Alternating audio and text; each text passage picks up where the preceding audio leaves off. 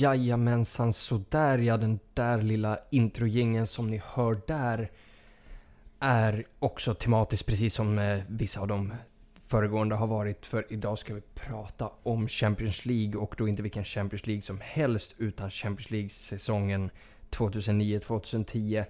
Det är för er som kanske var för unga för att komma ihåg det, för er som kanske kom in efter att vi hade vunnit den titeln, vilket jag respekterar osedvanligt mycket för ni har fan, ni har fan tagit skit alltså. Eller för er som precis som oss bara gillar och mysa och njuta i de här minnena. Och eh, med mig för att göra det har jag Jakob Planell. Yes! Fan vad kul. Det är alltid kul att prata trippel.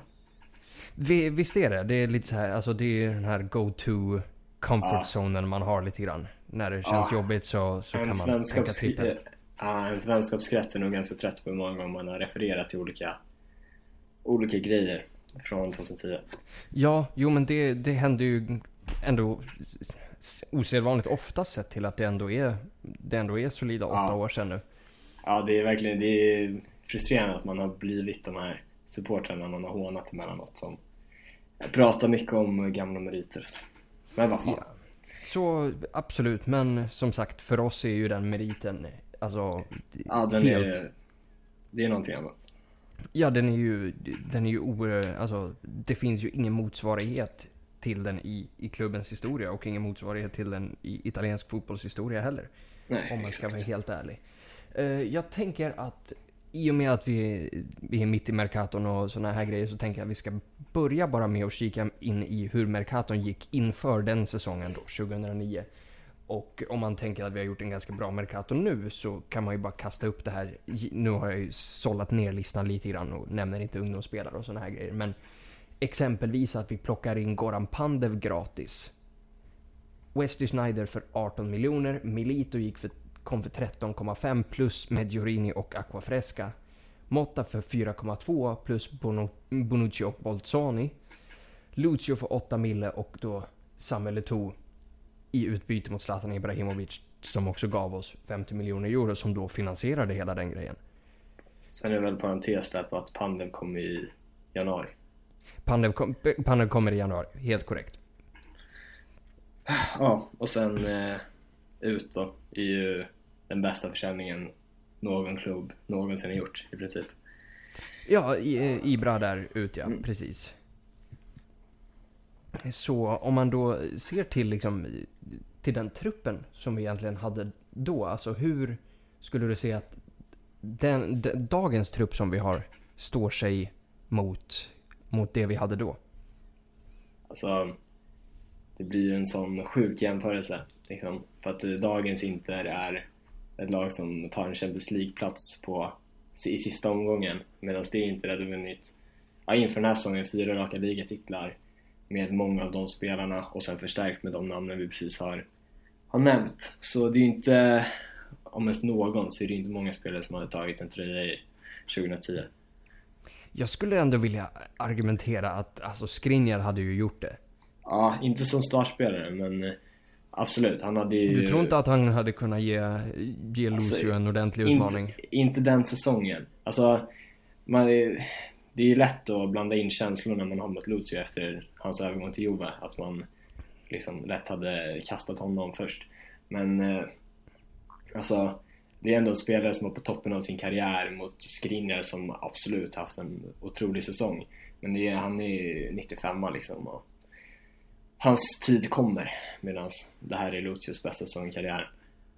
Ja, det är det ju verkligen. Nästan alla de här spelarna gör ju ja, verkligen sin ja, bästa säsong i, säsong i karriären. Det är väl ett två året efter som, som gör mycket, mycket mer i avsaknaden av Melito som då var skadad. Mm. Eh, däremot någon som, någon som definitivt inte hade tagit plats är ju killen som sitter på tränarbänken och det är ju ingen eh, här, större dis, disrespect egentligen mot, eh, mot Luciano Spalletti på något sätt. Utan snarare, snarare en, eh, en betoning på José Mourinhos otroliga vikt i, i, det, här, i det här lagbygget. Ja, vi, om vi säger, vilken, vilken roll skulle du säga att Mourinho spelar i den här? Alltså, grejen som, känslan som man har kring hela det här lagbygget och tränarstaben, allting är ju att det alla var liksom rätt personer på rätt plats vid rätt tidpunkt. Att det var bara perfect match hela, eh, hela grejen. Och eh, det gäller ju såklart för Mourinho också. Och eh, det, Mourinho hade ju lite den här attityden hela säsongen. Eh, att liksom inte vara liksom underdogsen som... Det var han, eh, hans mantra var ju liksom eh, i Champions League-säsongen A dream is more pure than obsession. Och det var den attityden liksom att eh, inte som hade misslyckats i Champions League år efter år trots att man hade börjat vinna ligan. Alltså, och Mourinho var, hade vunnit med mindre klubbar, du vet. Det kändes bara... kändes som en perfect match. Ja, precis. Och alltså, Moratti är ju väldigt, så fort det är den möjligheten att värva in Mourinho öppnar sig så hugger ju Moratti från det. Exakt. Och, Moratti... och att, ja, precis som du säger, att Moratti verkligen ville ha honom. Precis, och Moratti uttalar sig om det här i en intervju och vi ska faktiskt ta och lyssna på, på vad han säger om eh, om då värvningen av Mourinho och eh, hur den, hur den eh, värvningen antogs i, i Italien. Why did you appoint Jose Mourinho? Uh, because Mourinho, the character, I liked a lot uh, the character of Mourinho, and uh, of course the results. From the beginning, I consider Mourinho special special. He's broken the system. He's broken the system, but also because Inter wins, and that is something not really acceptable. Och egentligen det man kan se att, att eh, Moratti säger här är ju, är ju det som du har varit inne på. Att det, de resultaten han har gjort är, det är väldigt lätt att, att glömma bort den otroliga vikten av det här som det är. För det är lätt att titta tillbaka i historien och säga att ja, ja men Porto vann, vann Champions League. Och egentligen inte se det som en jättestor grej för det var då. Men så länge sen är det inte. Nej, exakt. Han hade ju... Eh, han var ju första Chelsea-tränaren under Abramovic-eran som vann Premier League. Eh, ska man också, det ska man inte underskatta heller. Det är inte hur lätt som helst att eh, eh även om man har obegränsade resurser och bara kliva in och vinna liksom. Det gjorde han sina två första säsonger. Framförallt, och då, det ska ju sägas att det är ju en, en, en Premier League som hade kanske Exakt, bland, bland de United. bästa Manchester United-upplagorna som ja. världen har beskådat. Ja, och ett Liverpool som vann Champions League under den perioden också. Ja, ja men e- exakt, exakt. Uh, och Mourinho kommer ju egentligen in som the special one och, och går väl därifrån som ännu mycket mer special om man ska vara ja, helt ärlig. Ja, han, Va han cementerade ju det uttrycket under hans tid in. Ja, om vi säger vad, vad är det eh, som gör honom så speciell? Och jag tänker innan du svarar där så ska vi, så ska vi höra med Patrik Vera som har, som har en väldigt eh, god analys på vad det är som gör Mourinho till the special one? I remember at, uh, at Inter, I wasn't sometimes part of the start 11, but um, he's always find a time to, uh, to talk. If every single players put the team before themselves, they will be successful. And I think that is the strength of Jose Mourinho. Så det, det Vera pratar om här är ju i grund och botten den typen, den psykologiska aspekten i det jobbet som Mourinho gör. Ja, alltså det är ju någonting som eh, det, är ju väldigt tydligt hur alla spelare från, eh, från trippelåret har pratat om Mourinho att eh, han hade en grym relation med, med spelarna och det kanske det väger extra tungt. Det är precis det som Vira säger här att han var ju en spelare som inte var i startelvan men han kände sig ändå viktig och det är ju, det är det, alltså det är det som är styrkan eh, hos Mourinho, eller var på den här tiden. Sen kanske resultaten inte har gått med honom de senaste åren. Men att, eh, att få alla att dra åt samma håll. Och eh, det var ju det han, det var ju det han verkligen lyckades mest med Inter. Och... Ehm, eh, nej, jag jag på att säga Ja, och, ehm, och det han... Eh, vad heter det? Om man då slå, egentligen slår ihop de här, både det Moratti säger och det Vera säger. Så är det ju nästan en, ännu mer av en match made in heaven. med, eh, med Mourinhos intåg i Inter. För inte nog med att, att han har den, det engagemanget i den individuella spelaren likväl som gruppen för att bygga den här typen av, men, av mentalitet. Men att också få in aspekten med, med kritiken i den italienska median och att vi, alltså vi förstör så som det italienska fotbollssystemet ska fungera i och med att vi vinner. Ja, exakt. Han, man... han, tog ju verkligen till sig det, alltså Inter på det sättet. Att han, han förstod vad allt handlade om. Han förstod vad klubben hade varit med om alla år med Juventus fuskande och allt det där. Uh, och han förstod det verkligen och använde det, alltså gjorde det till en styrka. Ja, jo men exakt. Och uh, liksom lyckas bygga in den här mentaliteten i varenda spelare i truppen. Att det är vi mot rubb. Exakt. Och uh, jag kommer ihåg det citatet av en Eh, spelare som jag kanske minns mest. Det var ju när Snyder under den eh, Ballon d'Or eh, galan det året som han blev rånad på priset. Ja. Eller, eller det kanske var Uefa-galan. Ah, ja, ja, det är Uefa-galan och under Uefa-galan ja. blir ju även Mourinho rånad för han tilldelas ju inget pris av Uefa det året. Ja. Eller?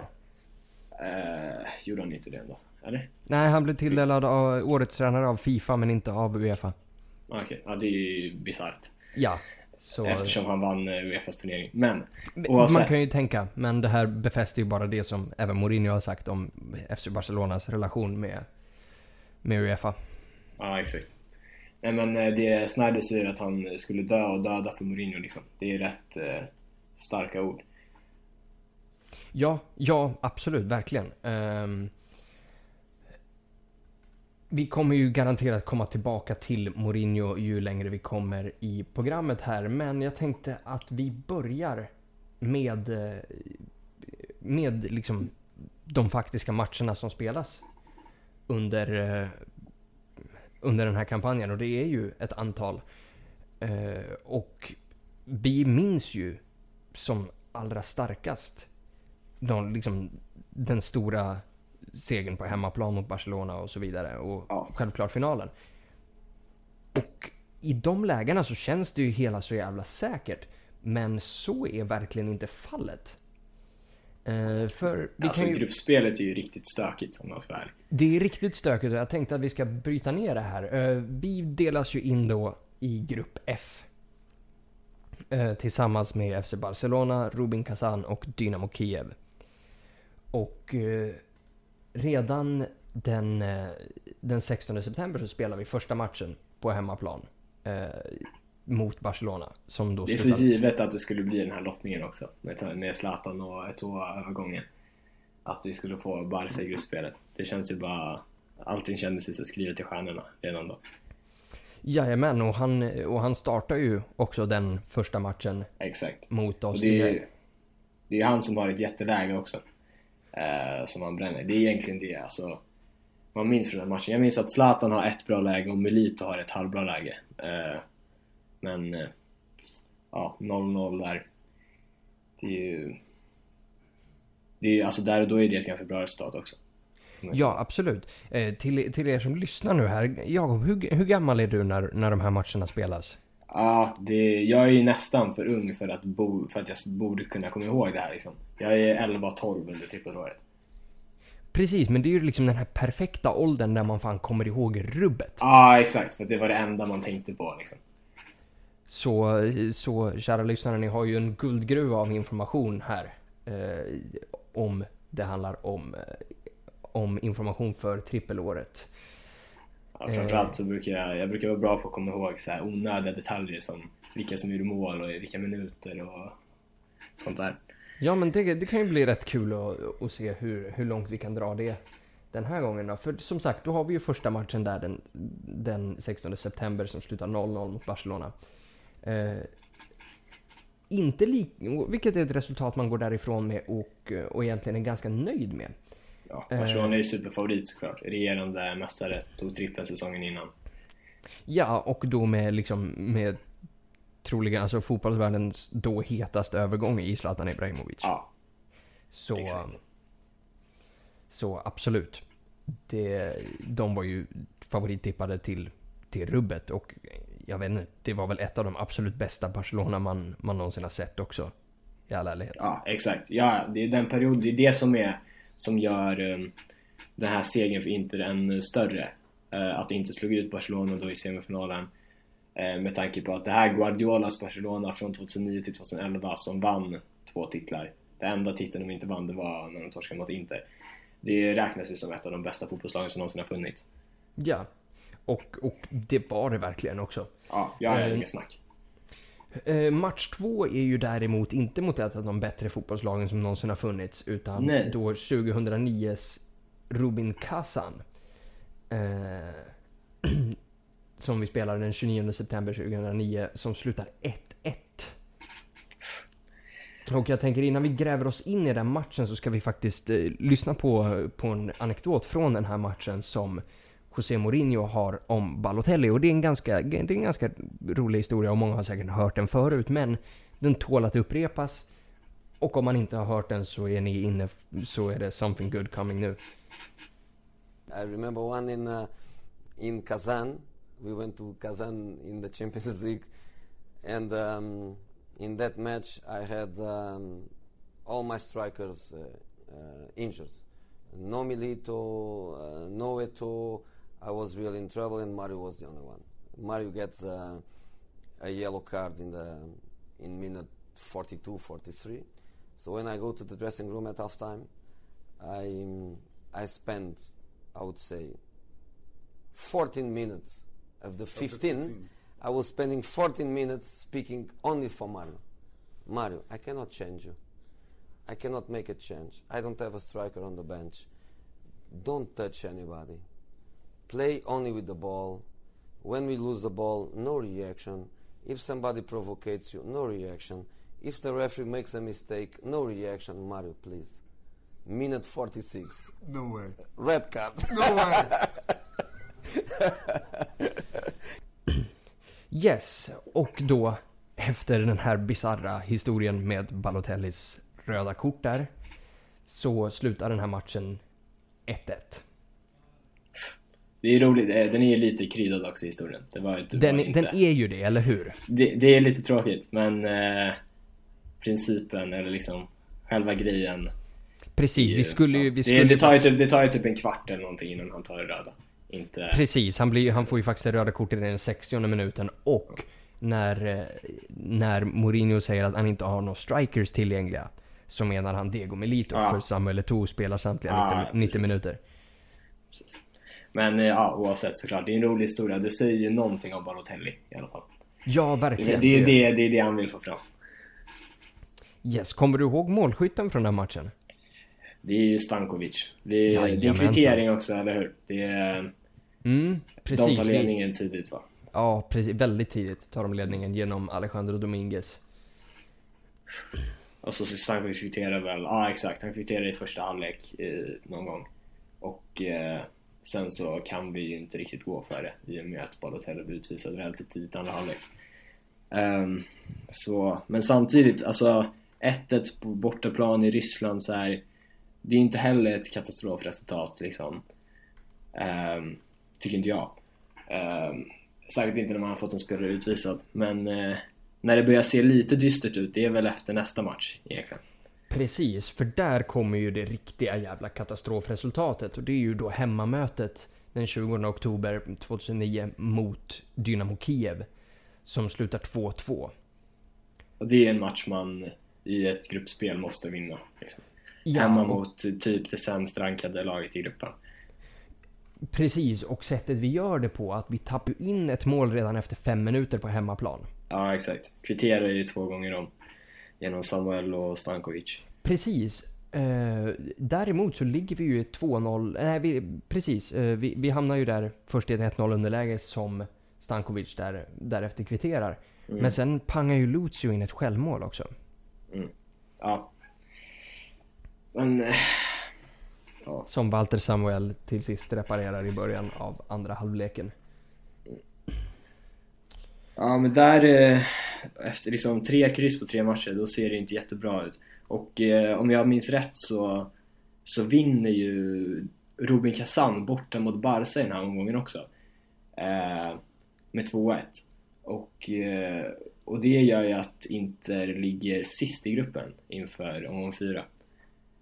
Jajamensan, du, du har helt rätt. Rubin Kazan slår banne mig Barcelona på Jag Camp Nou. De, de ledde med 2-0 typ och sen gjorde Zlatan ett reduceringsmål Ja det är, ja, det, de, ja, det är en kvittering Zlatan gör i ah, okay. början på andra okay. halvlek och sen sätter de 2-1 ah, okay. i mitten av andra halvlek. Otroligt att du, du inte bara kommer ihåg våra matcher, du kommer ihåg matcherna runt omkring oss i gruppen också. Jag säger det, onödiga detaljer. Jajamensan. Eh, däremot en ytterligare en onödig, onödig detalj, men en detalj vi kan nämna är att det här Dynamo Kiev som vi möter här, det är ju alltså Andrei Shevchenkos Dynamo ja. Kiev. Ja, det det. Sen är ju, ja, han är ju på nedgång i karriären. Men det är ju, Shevchenko är ju det är en, det är en spelare som har gjort mycket mål mot Inter. Om, om inte annat. Det är det verkligen. Uh, därefter den 4 november så har vi returen mot Dynamo Kiev. Och det är ju där det vänder. Uh, bokstavligen. Ja. Liksom. Uh, ja, de flesta har väl sett highlightsen på den här matchen. Precis, gånger, för det står satan i mig långt inne. Det är det ju verkligen. Alltså, Ashchenko ger ju eh, Dynamo Kiev ledningen. Eh, känner ju många till. Och sen, eh, så som jag minns det här är väl, sen, jag har inte hundra koll på exakt vilka byten som vi gjorde. Men eh, jag har för mig att vi lirade typ en trebackslinje i slutet med så här eh, typ Holm, Zanetti och Lucio eller något sånt där. Alltså riktigt bisarrt offensivt. Så här, alla anfallare på planen, Eto'o, Balotelli, Milito liksom. Och eh, eh, jag för mig att Balotelli har jättemånga chanser också. Ja, precis. Men... För vi, vi tar ju ut Kivo för Balotelli i halvtid. Och vi tar även mm. ut Cambiasso mot Motta i halvtid. Mm. Sen där i 80 när vi jagar ett mål så går Samuel av för Solimontari. Ja, exakt. Så... Um, uh, ja, så det Men där, där är ju... Vi åker ju ut om vi inte vinner den här matchen. Ligger under med 1-0 bortaplan. Det är också en sjukt tuff bortamatch bort, borta i Ukraina liksom, mitt i vintern. Precis, eh, och, och där är det ju faktiskt Shevchenko som pangar in det målet också. Exakt. Så det, hade, det var ju väldigt, väldigt nära där. Alltså vi är ju ett par minuter ifrån att Milan-legenden förstör Skickar ut oss. hela Exakt. den här grejen. Verkligen. Och eh, jo men det här är en sån här match också som Alltså även om jag tar för givet att de flesta kommer ihåg det så är det lätt att glömma det. Att, alltså hur nära det verkligen var att, eh, att vi, gjorde en fiaskosäsong i Europa liksom. Ja, precis. För det här är inte den här säsongen direkt efter, nej förlåt. Det, det är säsongen innan det här vi åker ut mot Manchester United och säsongen innan det som Exakt. slagsmålet i Valencia uppstår. Nej, säsongen innan det var Liverpool. Innan oh, det var det Just Valencia. Det. Helt uh, rätt. Så det har ju varit liksom... Mourinhos första säsong var United, exakt. Exakt, så det har ju varit ett par kämpiga år i Europa. Precis. Jo men det blev ju, det hade ju etablerats en liten så här Europaförbannelse eftersom det var tre raka uttåg i åttondelen. Mm. Uh, och det var ju därför Mourinho kom in också, för att vinna i Europa. Det var ju det som var, för att ta nästa steg liksom. Uh, men ja, och så, så är det ju rätt Alltså målen som vi gör i den här matchen är ju också rätt eh, liksom Det är grisigt, verkligen. Ja. Framförallt Snyders då. Men eh, Militos kvittering är ju också det är, målvakten står på fel ben, det är ett riktigt löst vänsteravslut som rullar in liksom. Så vi hade ju verkligen marginalerna på rätt sida i den här matchen. Det, det vill jag lova. Uh, Några marginaler hade vi däremot inte i den näst sista gruppspelsmatchen där vi bli tillbaka skickade ner i skiten. Jag kommer ihåg faktiskt ett eh, citat från eh, typ av, vad vilka var som sände matchen då, TV6 typ. Den studion i alla fall. Jag tror det är eh, Bosse Pettersson typ. Mm -hmm. Som efter den här matchen säger typ så här. Ja, oh, man blir ju aldrig klok på det här Inter. Och eh, det var väl typ som man kände själv. Ja. När man Patsa liksom, Inter, det är väl... Ja, för att i den här matchen så är vi ju totalt överkörda. Eh, och eh, det står ju 2-0 tidigt men det var bud på mer. Jag ju faktiskt inte eh, Det här är ingen match man tar fram och kollar highlights på särskilt ofta. Men jag gjorde det någon gång och det Alltså Barca hade ju 5-6 klara målchanser bara i första halvlek liksom. Ja. Så det var, det var inget snack om. Och det jag, om saken den. Det Jakob pratar om nu är alltså våran 2-0 förlust den 24 november 2009 på Camp Nou mot Barcelona då ja. i gruppspelet. Exakt. Och eh, där torskade vi ju chansen att eventuellt vinna gruppen. Ja. Med, med dunder och brak. Uh, ja exakt, så där var det ingen snack om saken. Sen uh, sista gruppspelsmatchen är ju i ett läge där vi uh, i princip behöver vinna för att gå vidare. Precis, hade vi... Oss på, alltså jag tror att ett kryss hade räckt typ om... På målskillnad hade Bars, det räckt, ja. Ja exakt, om Barca hade vunnit mot Dynamo Kiev, vilket de gjorde. Men, ja. men jag, jag var faktiskt på plats på den här matchen. Jaså? Ja, det var en av två matcher jag var på plats på den här säsongen. Och... Eh, så ja, det... Fantastiskt. Hur, hur var det? Ja, det, det är många av oss som inte, som inte var Jag bland annat, jag var inte där någonting under, under trippelsäsongen. Nej, jag hade ja, turen var där två matcher, båda i Champions League till och med. Det här var den första av de första Champions League-matchen jag såg. Och eh, ja, vi vinner ju med 2-0 och eh, löser avancemanget. Och eh, Första målet är att eh, Zanetti gör den, den klassiska Zanetti-ruschen. Eh, tar sig förbi några spelare, spelar in snett in och bakåt till... Eh, Eh, nej, han, nej, han spelar Balotelli tror jag som spelar in den snett och bakåt till Eto'o eller något sånt där. Och eh, som dunkar in den. Och, det, det är eh, helt fantastiskt. Om vi alltså, säger, alltså, alltså, om vi säger för er som lyssnar nu medan det här spelas in så jag sitter med facitet framför mig. Men det gör inte Jakob. Han, alltså, men han har rätt i precis allt han säger. Ja, det, det är tur där faktiskt. Men jag var inte helt säker på det. Men eh, i alla fall, eh, ett tå. Eh, och, och sen, bara, innan, eh, bara innan du fortsätter där alltså. Också, alltså. I och med att det är din första match, att se Zanetti-ruschen. Ja. För första gången. Alltså man förstår honom som spelare på ett helt annat sätt. Ja, exakt. Alltså man, det var ju en sån där grej när man såg honom ta fart liksom, börja driva. Eh, alltså man blev glad varje gång liksom.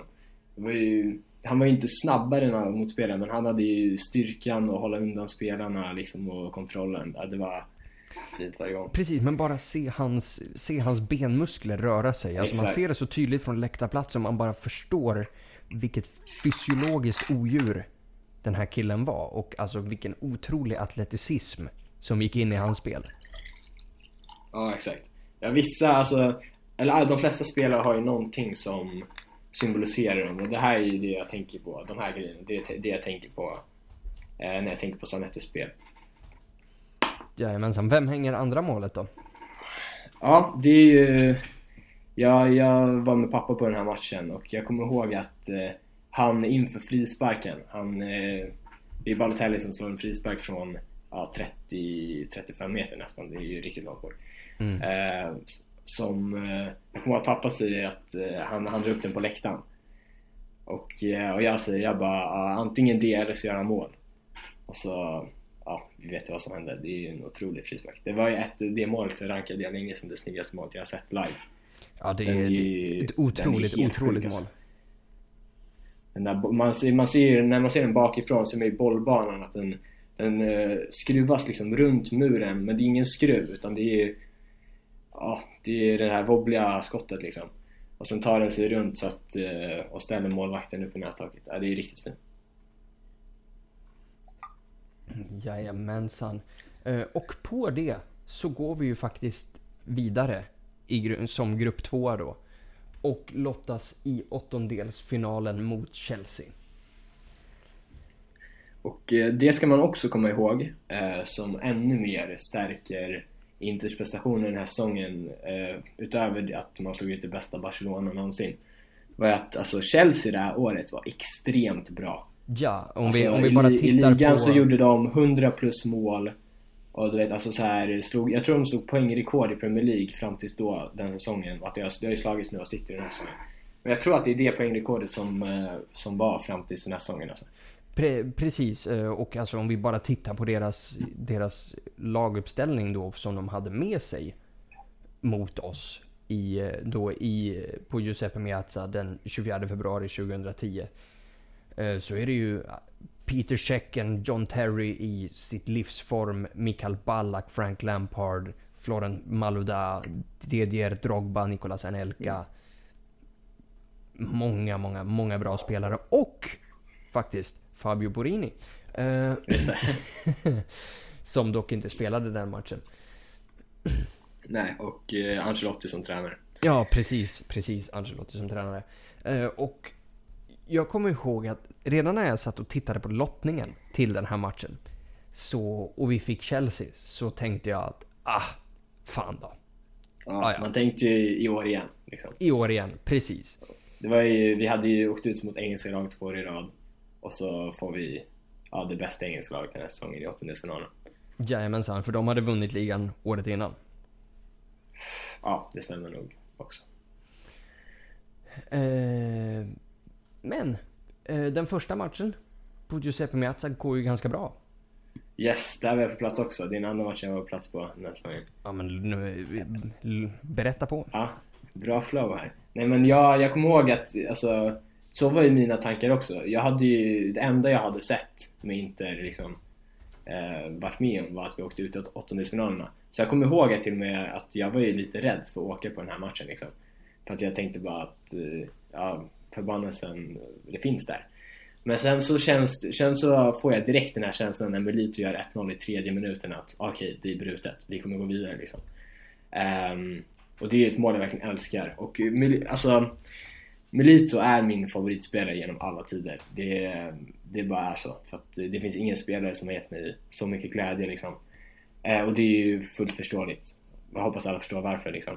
Och det där är enda målet jag sett honom göra live faktiskt. Det gör, det gör mig lite ledsen. Men det var ett, eh, ett fint mål att vara på plats på andra sidan. Ja, jag kan ju säga där att, vad heter det, min första, min första match på plats på San Siro så, så blev Melito utbytt efter typ 10 minuter på grund av att Julio Cesar blev utvisad.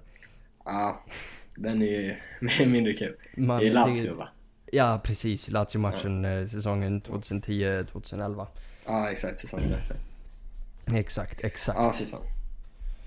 Uh, nej men det är faktiskt tråkigt. Jag gjorde ju någon, någon gång på någon flyg hem från Milano och gjorde en, en lista med alla alla intermatcher jag hade varit på och sen en så här intern, intern skytteliga. Mm eh, som Icardi leder, inte så förvånande. Men eh, ja, och då kom jag fram till att jag bara sett mig lite göra ett mål live och det, det gjorde mig lite ledsen. Hmm. Åh, oh, vad, vad intressant. Uh, jättebra idé där. Den måste, jag, den måste jag göra själv. Det är faktiskt jag... roligt att ha. Alltså, jag uppdaterar den liksom varje flygresa hem från varje match. Uh, um, för det, jag tänker att det kan vara jävligt kul att ha liksom när man blir äldre. Ja, verkligen. Uh, det är något vi uppmanar er alla lyssnare att göra också. Uh, utöver Milito som hänger målet i tredje minuten där så är det ju också... Ja, Kalou kvitterar ju. Ja. Efter en jättetabba av Julio Cesar. Mm. Uh, och jag tycker jag brukar vara ganska hård mot målvakter och tycka att uh, det är tab tabbar allt som oftast. Men det här är, ja det är fan inte okej. Okay. Uh, han hade ju varit med i en bilolycka rätt rätt kort inför den här matchen också. Så jag kommer ihåg att det var det var ju diskussion om han ens skulle spela liksom. Jag kommer ihåg, det ser man ju om man kollar på highlightsen också, att han har något så här sår i ansiktet. Liksom. Mm. Men ja, Eh, det är ju ett eh, skott utanför straffområdet som han inte lyckas styra bort trots att han är där. Så, eh, ja. Sög ju där och då. Ja. Men den, den storyn var ju kortvarig Cambiasso eh, ger inte ledningen typ fem minuter efter. Fyra till och med? Ja. Fyra till och med. Jajamensan. Mm. Men, och det är ju ett mål man verkligen tycker om. Uh, uh, kommer faktiskt inte ens ihåg vem det var som föranledde det målet. Men det är ju någonting eh, så här med att han, han har ju verkligen bestämt sig att eh, Den här jäveln ska in. Nu, ja, nu ska vi fan eh, återta ledningen.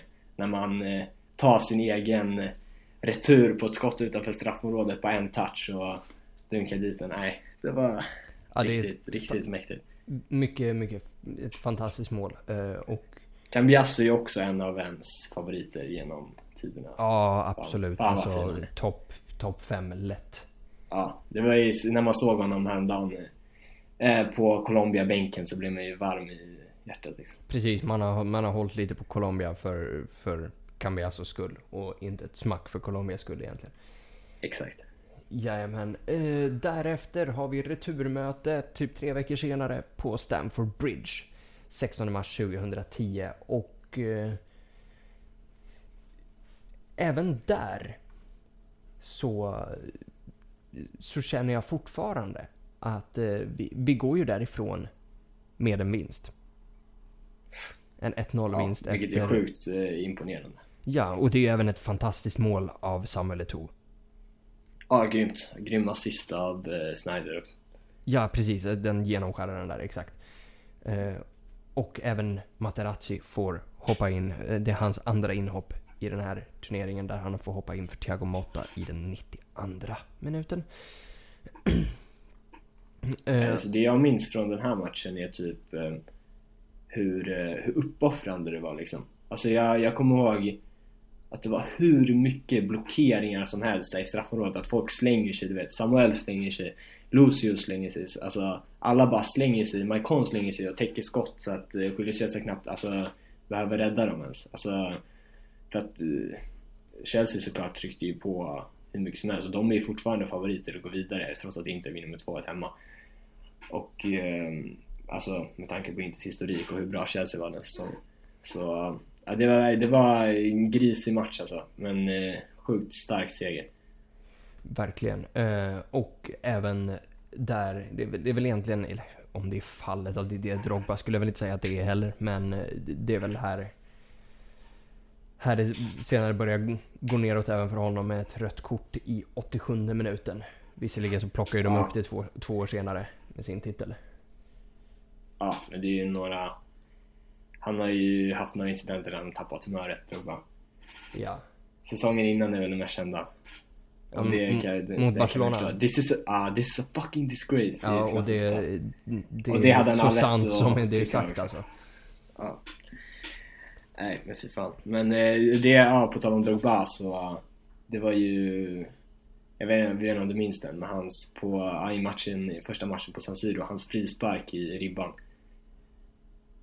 Mm. Ja, det är bland de... Ja. Ja, jag kan tänka mig att sitta. Bland de sjukare tillslagen man har sett alltså.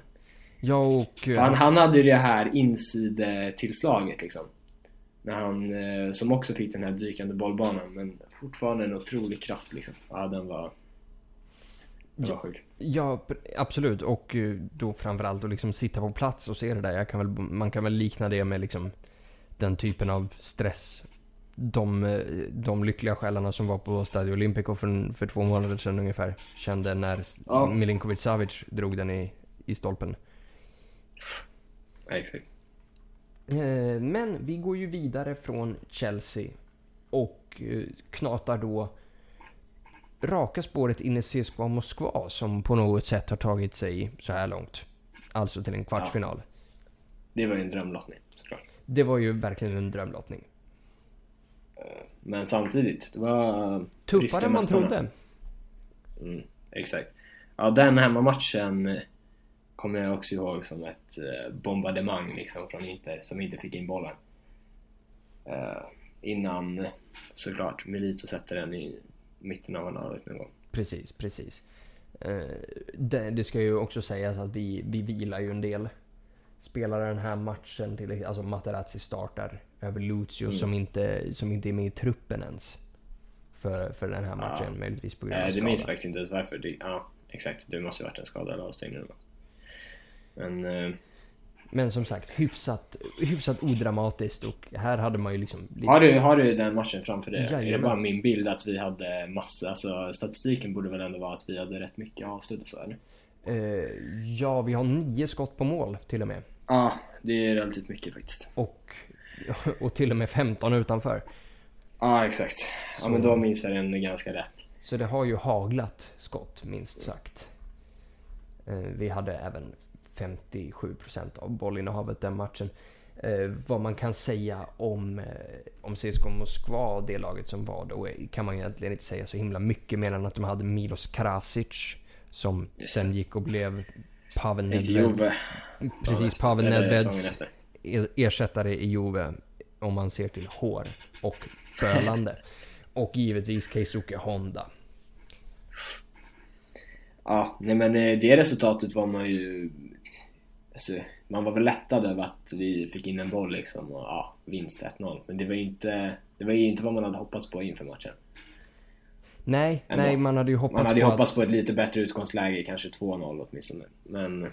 Precis, så man kunde få lugna ner sig där lite grann. För, det, för när, nu när vi sitter och pratar så här så låter det ju liksom hyfsat avslappnat med datumen och, och så här. Men det är ju ett, ett hejdlöst krig i ligan Exakt. vid den här tidpunkten Exakt. också. det ska man ju komma ihåg. Att uh, ligan är ju långt ifrån säkrad. Uh, liksom um, fram till sista omgången här i den här säsongen. Det, det, är också lätt att glömma bort liksom hur nära det var att, att vi inte vann ligan. Ja, ja, alltså det... Det är Gianpaolo Pazzini, Pazzini som, som räddar kung oss. jävla Pazzini. Alltså, vad därför, alltså Pazzini är ju den första intertröjan jag, jag köper. Säsongen ja, efter när han kommer till oss alltså. För, det är egentligen... Fan vad jag gillade Pazzini också. Ja, alltså så jävla Den cool. där halvsäsongen han har i, Inter alltså första halvsäsongen. Då ja, vad är det? Och den här också. matchen mot, eh, mot Cesena när han hänger, när han hänger två mål i typ 92 Ja, då hänger han två mål på 90 plus. Exakt. Men hans debut. Eh, eh, vi ligger under med 2-0 hemma mot Palermo. Eh, och Pazzini börjar på bänken. Han blir inbytt i halvtid eller i början av andra halvlek. Eh, och gör två mål och fixar en straff och vi vinner med 3-2. Den var... Alltså jag, jag kommer ihåg att jag såg den matchen i typ så 39-40 graders feber. Men när vi gjorde 3-2 så sprang jag runt liksom i vardagsrummet och var frisk liksom. Ja, det, det, det har ju den, eh, Inter har ju den kraften att verkligen hela när man är sjuk och göra en sjuk när man mår prima. Eh, och ja, om vi då släpper eh, Pazzini där. Pazzini. Ja. Fint sidospår det, det tycker jag verkligen. Eh, och tillbaka till eh, Stadio Luzhniki. Eh, där det nyligen har spelats VM-matcher också i Moskva då. Eh, och returmötet med CSKA den 6 april 2010. Eh, som vi också tar hem 1-0. Mm. Det är ju eh, det är tidigt frisparksmål av Snyder. Ja. Och där, alltså man, tänker, man går in i den här matchen och tänker att det här kan bli tufft liksom. Alltså som sagt, jag har varit inne på lite innan att eh, de här bortamatcherna i österut i, har ju den tenderar att vara tuffa liksom.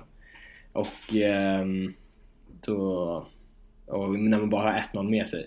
Men när man får 1-0 i femte, sjätte minuten så, ehm, så känner man sig ändå ganska trygg med att vi, vi kommer ta hem det här. Och jag kommer, jag kommer ihåg att vi spelade av den här matchen rätt bekvämt. Och eh, eh, det är aldrig riktigt nära. Nej, nej, som sagt, det, den här är ju rätt lugn.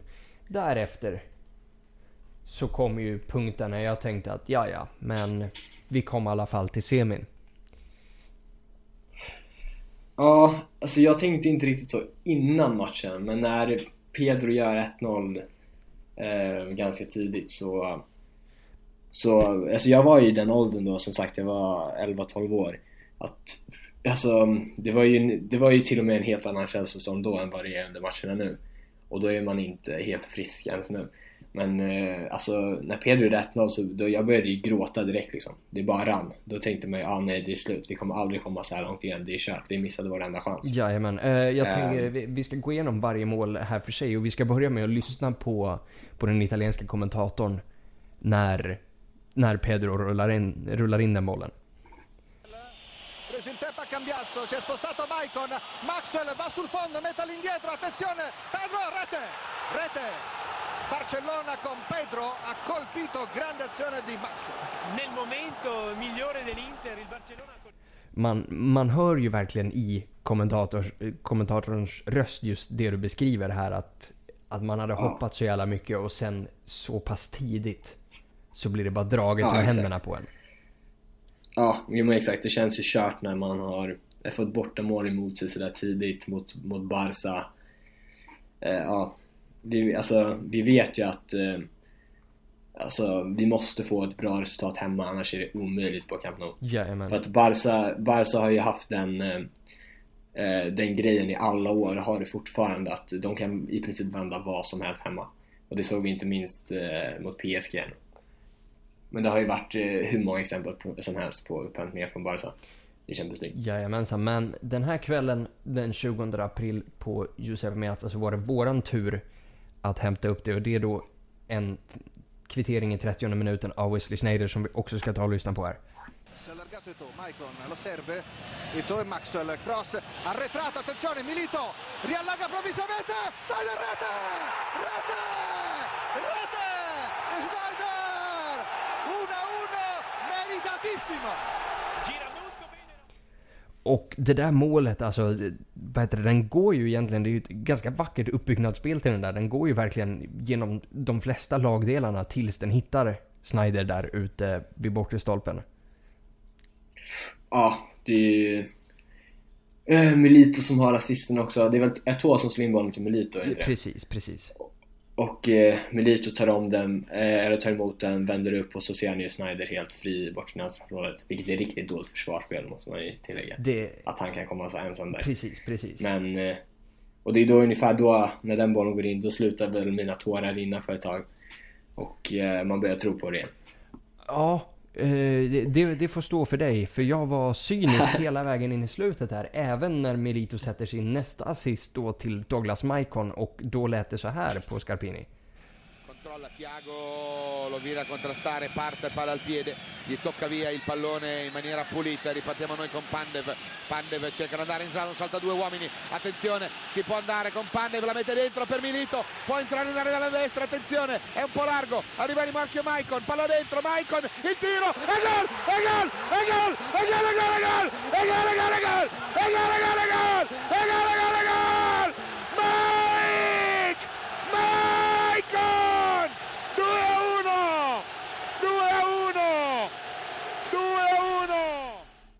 Så i, redan precis i början av andra halvlek så har vi då ett poängöverläge över Barcelona.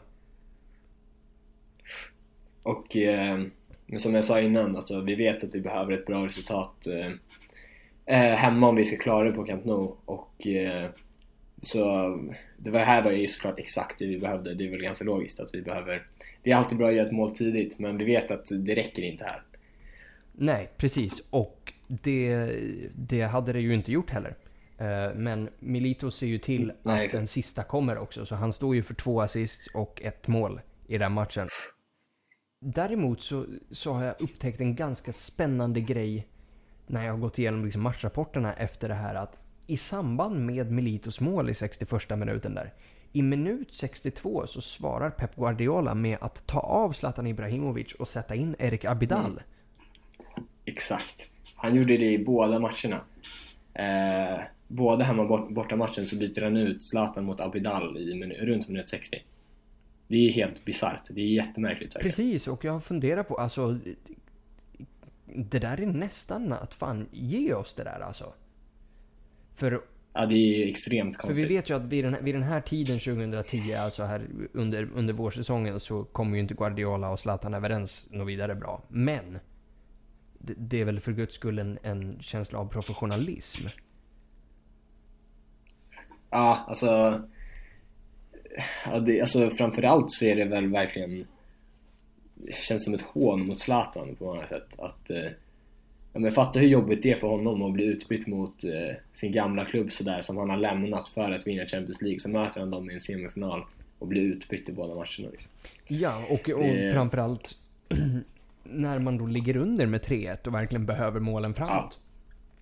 Ja, byta in en vänsterback mot en forward. Det är ju konstigt. Men det är ju bara Guardiola som, ehm, som gör sådana där grejer. Och förmodligen så har han en jättebra taktisk tanke bakom det.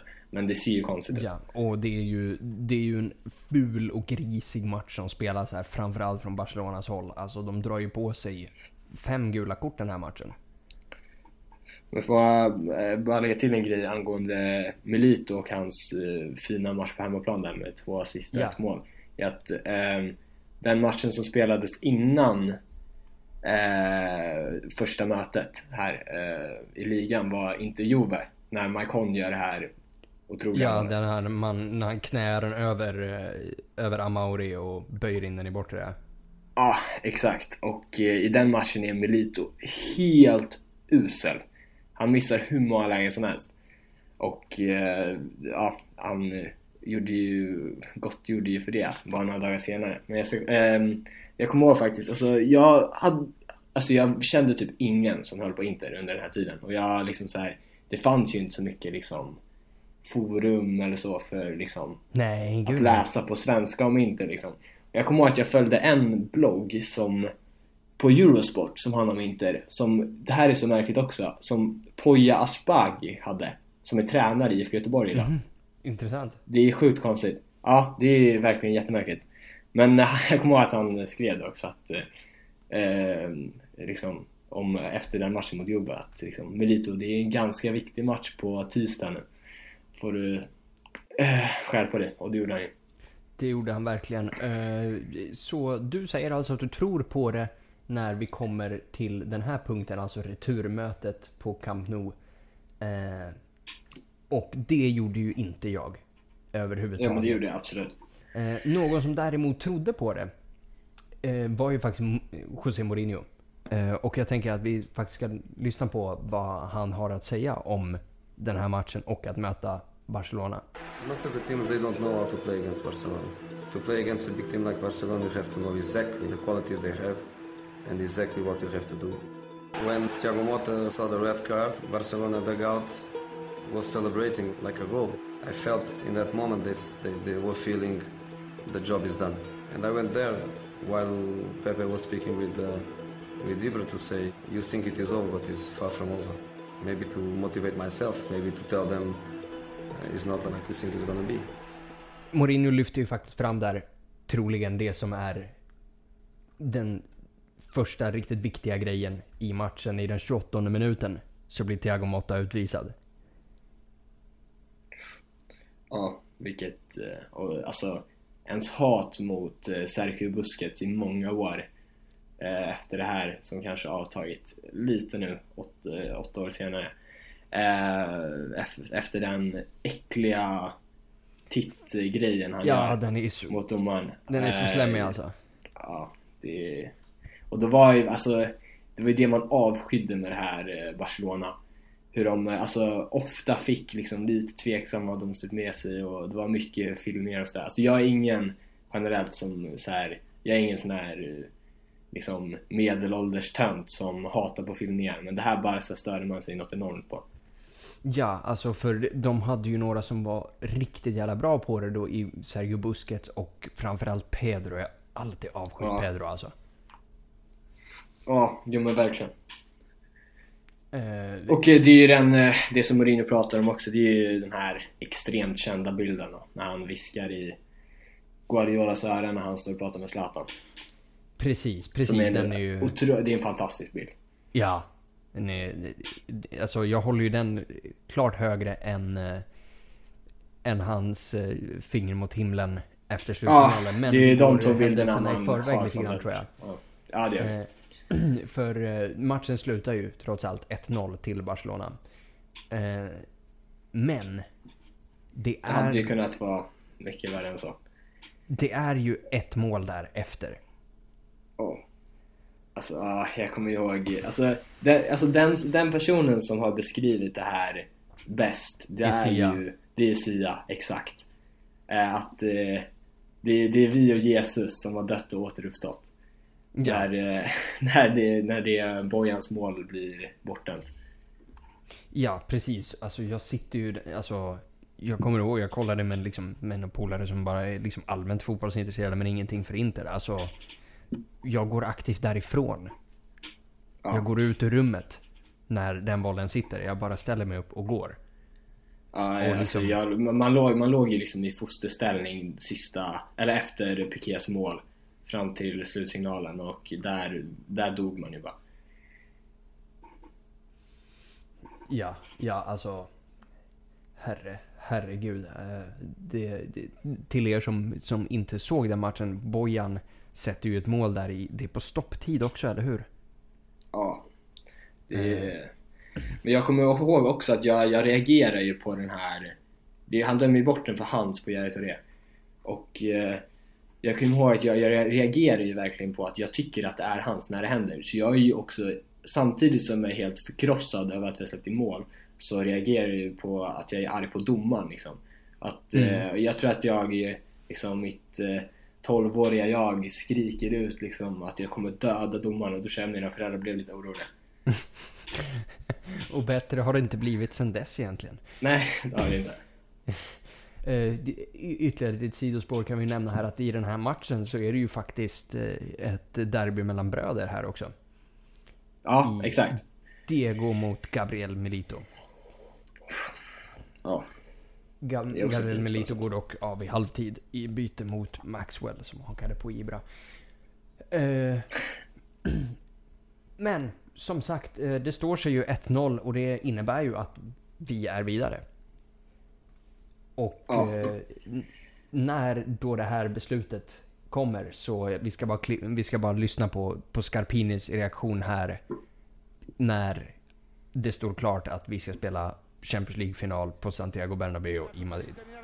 attenzione allo scambio corto, avviene Jeffren, palla fuori per Daniel Alves con il destro, cerca la traiettoria morbida, allontana Lucio in acrobazia, palla recuperata da Valdes, in finale ci siamo noi, ci siamo noi, tutti a Madrid, l'Inter è in finale, l'Inter è in finale, l'Inter è in finale, l'Inter è a Madrid, l'Inter è a Madrid, l'Inter è a Madrid, l'Inter va a Madrid, l'Inter va a Madrid, l'Inter va a Madrid, l'Inter va a Madrid, l'Inter va a Madrid, l'Inter va a Madrid, l'Inter va a Madrid! E non abbiamo più niente da dire se non una cosa, l'Inter va a Madrid, l'Inter va a Madrid, gli eroi del Camp Nou! l'Inter va a Madrid, siamo in finale di Champions League, eliminato il Barcellona. Grazie ragazzi, in 10 per un'ora, in 10 per un'ora, l'Inter va a Madrid. E l'Inter va a Madrid.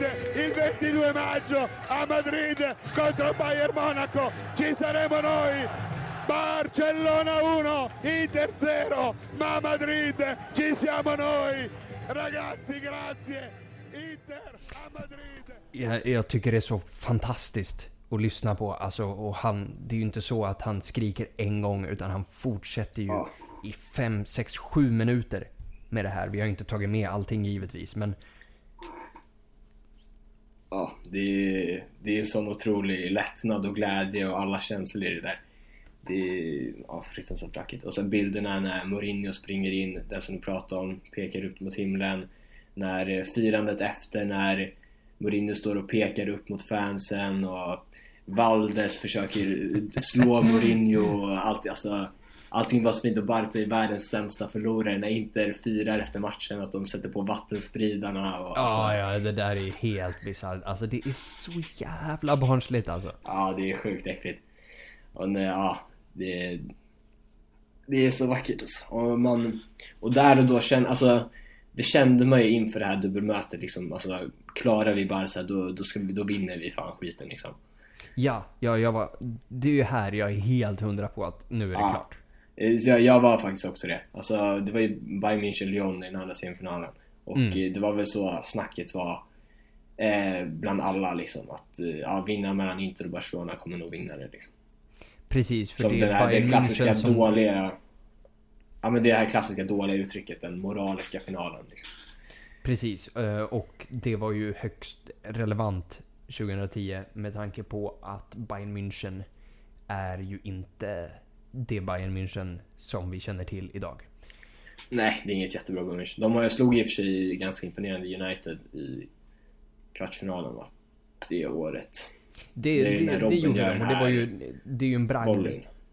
Exakt, exakt. Och det är ju, det är ju en bragd av, eh, av Bayern München. Det är väl en, det är ju en Robben som är otroligt bra det året. Ja, exakt. Robben och ja, exakt. i all ärlighet. Uh, ja, det är det som också är så fint och ironiskt med att, uh, när, att Robben och Snyder som blev utkastade från Real Madrid mötte varandra i CL-final på Bernabéu säsongen efter. Precis, precis. Uh, vi, vi, kan ju bara nämna här liksom lite statistik från, från Barcelona-matchen här innan vi går, ja. går, går vidare. att eh, det här Mourinho säger att uh, we did not park the bus, we parked the plane. Är ju så fantastiskt relevant. Sett till att Barcelona har ju 61% av bollinnehavet. Vi har ett skott på mål hela matchen. alltså, det är ju det är 90 minuter av hårt försvar. Jag vet, jag vet inte om ni, ni som var med derbyt Oh, nu har jag tappat vilket år det är, men Walter Samuel derbyt när han nickar in en boll efter tre minuter. 12-13. 12-13, precis. Exakt. Och där, vi sätter den, där han sätter den efter tre minuter och sen är det 90 minuter försvar. Ja. Är det Nagatomo blev utvisad den matchen också, eller? Ja, typ i så här... I början av andra halvlek typ. Ja. ja. Det är väldigt tidigt alltså. Och det är ju... Det är ju typ bara kanoneld mot vårat mål hela jävla matchen. Ja. Så om man tar den ångesten och tiodubblar den, då har man ju ungefär Barcelona-matchen.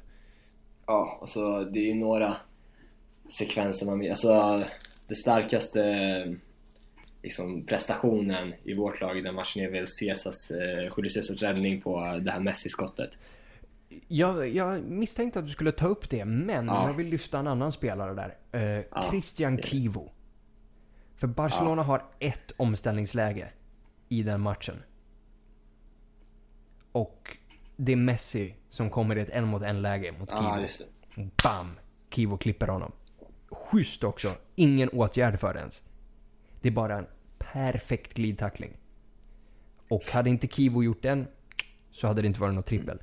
Och det hade jag önskat att folk skulle komma ihåg åren efter när Kivo gick ner sig ordentligt och Kivo fick ta skit på ungefär samma nivå som Kandareva eller Eder får ta idag. Vilket... Ja. Uff, för Vilket han inte förtjänade överhuvudtaget. Fan vad, alltså Kiev är en sån där spelare faktiskt. Du, det har du rätt i där att eh, man uppskattade inte honom så mycket som man borde ha gjort de sista åren. Och eh, det är någonting man har lärt sig lite nu senare. Alltså Kivo var ju, men det är ju bara för att han var typ såhär inom citationstecken så här en av de sämre i trippel inte liksom. Precis. Så, så, så var, fick ju inte han samma kärlek som, han, som de andra fick. Men Precis, alltså jag, Kivo, jag var ju en grym spelare liksom. Alltså, Exakt, alltså för mig föll, för mig föll, föll yxan på Goran Pandev. Ja. Jo men för det är ju lite samma grej. Men det har ja, man ju också ja. fått lära sig med tid att det var ju dumt att liksom klaga på Pandev när sen så här Belfodil och Ja exakt. Sånt här skit och äder och grejer kommer lubbandes. Exakt, ja men det är exakt det är samma grej. Uh... Men, men, som sagt, alltså det är ju det är försvarsinriktat i slutet. Alltså de tre bytena vi gör är ju att Schneider går ju av i 66 minuten för Soli Montari. I 81 går Melito av för Ivan Cordoba. Och i 86 går det två av för Mariga. Alltså, vi Exakt. har ju inte... Det där är fint att inte... Mariga har gjort minuter i den här matchen också. Ja. det är roligt på något sätt. Att gå från, på tre år från Enköpings SK till eh, Champions League semifinal borta mot Barca. Ja, alltså han måste ju Hans karriär är så sjuk. Han ja, måste ju skriva måste en bok alltså. Jag hade ju, alltså det är ju ett Pulitzerpris i de pärmarna alltså. Det är så sjukt att han har, ja, spelat på ena vallen liksom. ja. Uh, finalen gick inte på ena vallen. Utan det gick på Santiago Bernabéu i Madrid den 22 maj 2010 och det där är ju datumet som vi ska komma ihåg. För ja, vid ja. den här tidpunkten så har vi ju spikat in Coppa Italia och ligan. Yes. Eh, det är ju... Ja, kuppen tas ju först. Eh, 5 maj. Eh, och eh, där tar vi en liten symbolisk revansch också för... Jag var ju för ung för att komma ihåg det faktiskt, måste jag erkänna. 5 maj 2002 när vi torskade ligatiteln i sista omgången borta mot Lazio genom att vinna eh, den första titeln i trippen eh, på Olympico, eh, inte mot Lazio dock, men den 5 maj när Melito gjorde enda målet. Så det är ju någon, någon slags revansch där i alla fall. Och sen 16 maj är det tror jag, så um, tar vi ligatiteln borta mot Siena, också Milito. Så det är, det är de här tre matcherna såklart som som gör att Melito verkligen är min favoritspelare genom alla tider. Det är, alltså han är ju... Det, det går inte att jämföra med någon som har avgjort de tre viktigaste matcherna, ja, du förstår vad jag menar, i eh, Inters största säsong genom tiderna. Precis. Eh, jag tänker eh, vi ska prata här lite om, om de målen som, som sker i den här matchen. Det har nog inte undgått någon att det är Diego Melito som står för dem båda två. Eh, och så här låter det på Scarpini i upptakten till Militos öppningsmål i Champions League-finalen 2010. Konalic che va in pressione, Giulio che deve rilanciare ancora in zona Milito con il colpo di testa buono per Wesley, attenzione Cagnamo, il principe entra in area, è solo, il tiro, e e gol, e gol, e gol, e gol, e gol, e gol, e gol, e gol, e gol, e gol, e gol, e gol, e gol, e gol, e gol, e gol, e gol, e gol, e gol, il principe, il principe, il principe, il principe, il principe, Inter in vantaggio, Inter in vantaggio, 35, Inter in vantaggio, l'assist di Wesley, l'assist di Wesley, E il gol del principe, è il quinto in Champions League, Diego Milito. Jag gillar verkligen när man lyssnar på det här, man, man hör att Scarpini inledningsvis, han tror inte riktigt på att det kommer hända förrän den sitter. För han har ett hyfsat lugn och sen bam. Det är så kyligt han gör det där med lite alltså. Verkligen. Det, det är ju alltså helt sjukt egentligen någonting efter bara att han gör en jävla skottfint där och sen chippar upp den i nättaket. Det är alltså, sånt där gör man inte om man inte är i sitt livsform. Nej, alltså ha... Man, man har inte det där självförtroendet annars. Alltså, det, han är bara så självklar liksom. Under ja, de det är en otrolig sinnesnärvaro att, eh, att få till det där i den, liksom, med, med pressen som ja, är exakt. så Han stor. har ju bara den perfekta, han har den perfekta tajmingen liksom, i allting. Jajamän, eh, och om vi egentligen går direkt och lyssnar på Scarpini vid, vid andra målet här, eh, där, där Milito igen vänder bort Daniel van Boyten som, som fortfarande måste ha mardrömmar om Milito. Han är fortfarande inte hittat Milito. salta allargandosi con il destro, va il cross, secondo palo, Close schiaccia il pallone dentro l'area, si immola Wally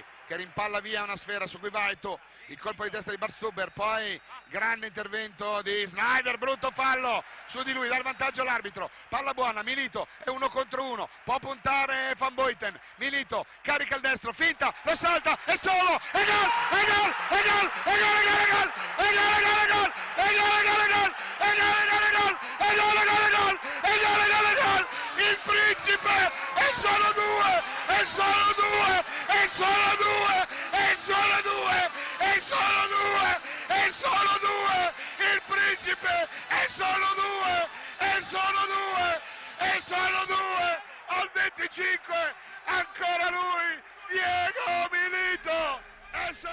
Så, så där låter det. Det är de två målen som, som Diego Milito hänger i, i den här finalen och det andra målet det smäller ju här i 70 minuten. Det är, så, det är så vackert alltså. Det är helt otroligt man, vackert det är. Man är ju bortom alla tvivel vid den tidpunkten. Ja, ja exakt. Det är där man vet liksom. Ja, alltså. Det är, svår, alltså, det är så svårt att sätta ord på sådana här ögonblick men alltså det är, men som jag var inne på på första målet, det är sån självklarhet i det Melito gör. Alltså, han, han gör så enkla grejer men eller liksom, det ser så enkelt ut, det är ju inte enkelt såklart. Men han bara skottfintar bort van Boyten som ingenting och lägger in den. Alltså, alltså det känns som sådana mål görs inte så ofta typ. Det är bara något nej det är, det är så fruktansvärt vackert. Jag kommer ihåg ja, eh, också citatet där från den svenska kommentatorn till och med som sa Jag tror det är han eh, Henrik eh, Strömblad typ Som säger Det är så vackert, det är så kliniskt, det är 2-0 och det var Det var precis vad det var faktiskt Jajamän, och det, även den här matchen, alltså här har ju Mourinho verkligen bevisat att för om vi säger den historiska kontexten av det här är ju liksom att Barcelona och den spanska tiki-takan har ju liksom dominerat fotbollen. Och liksom en bollinnehavsfokuserad typ av anfallsfotboll. Och han har verkligen vänt på det helt. För i den här finalen så har Bayern München 65% av bollen. Mer än vad Barcelona hade mot oss till och med. Det är också, men... ja, jag glömde säga det på den här bortamatchen mot Barca, men jag har för mig att Julio Cesar är den som har flest bolltouch inte i den matchen. Ja, det är mycket möjligt. Det, det, är ju inte förvånande Nej, överhuvudtaget det det. om det skulle vara så. Däremot så visar ju Mourinho här med vad total effektivitet faktiskt innebär. För vi har 35% av, av bollen. Ja, och Bayern har ju mycket fler alltså, när inte, när, när, Precis. Eh, alltså, precis. I alla fall färre på mål. De har ju 6 på mål på sina 65% mm. medan vi har 7 på mål med våra 35%. Och det vet vi alla att liksom, när Inter spelar jävligt bra mot, mot ett Kievo. Då har vi typ så 55-60% av bollen. Men det här är ju alltså, här, vi är ju ett lag som, som vinner lätt utan att ha boll.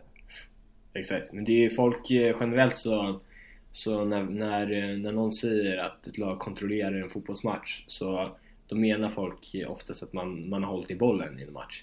Men man kan ju också kontrollera motståndaren genom att stå rätt i positionerna och inte låta dem komma någonstans och vänta på ett misstag och då eh, när man har ytorna så kontrar man och gör mål. Det är också ett sätt att kontrollera en match.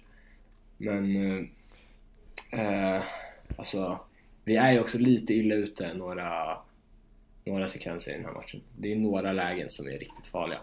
Julio Cesar gör ju... Ja, Robin kom ju, Robin kom ju runt ett par gånger på, på kanten ja. där, men lyckas fan inte förvalta det. Ja, framförallt så har, eh, har ju, Robin har ju ett riktigt bra skott där Cesar gör inte samma klassräddning som på Messis avslut, men något liknande. Eh, och sen... Ja, eh, högt upp i bortre exakt, hörnet. Exakt. Och sen, sen precis i början av andra halvlek så har ju, tror jag Müller som har ett riktigt bra läge. Där han typ glidskjuter lite som går rakt på. Mm, precis. Eh, men som sagt, det går ju våran väg. Inter blir Champions League-mästare för första gången på 42 år vid den tidpunkten. Och då låter Scarpini så här och nu jävlar ska ni fan... Signori ci siamo, anche a casa, preparatevi per il grande urlo.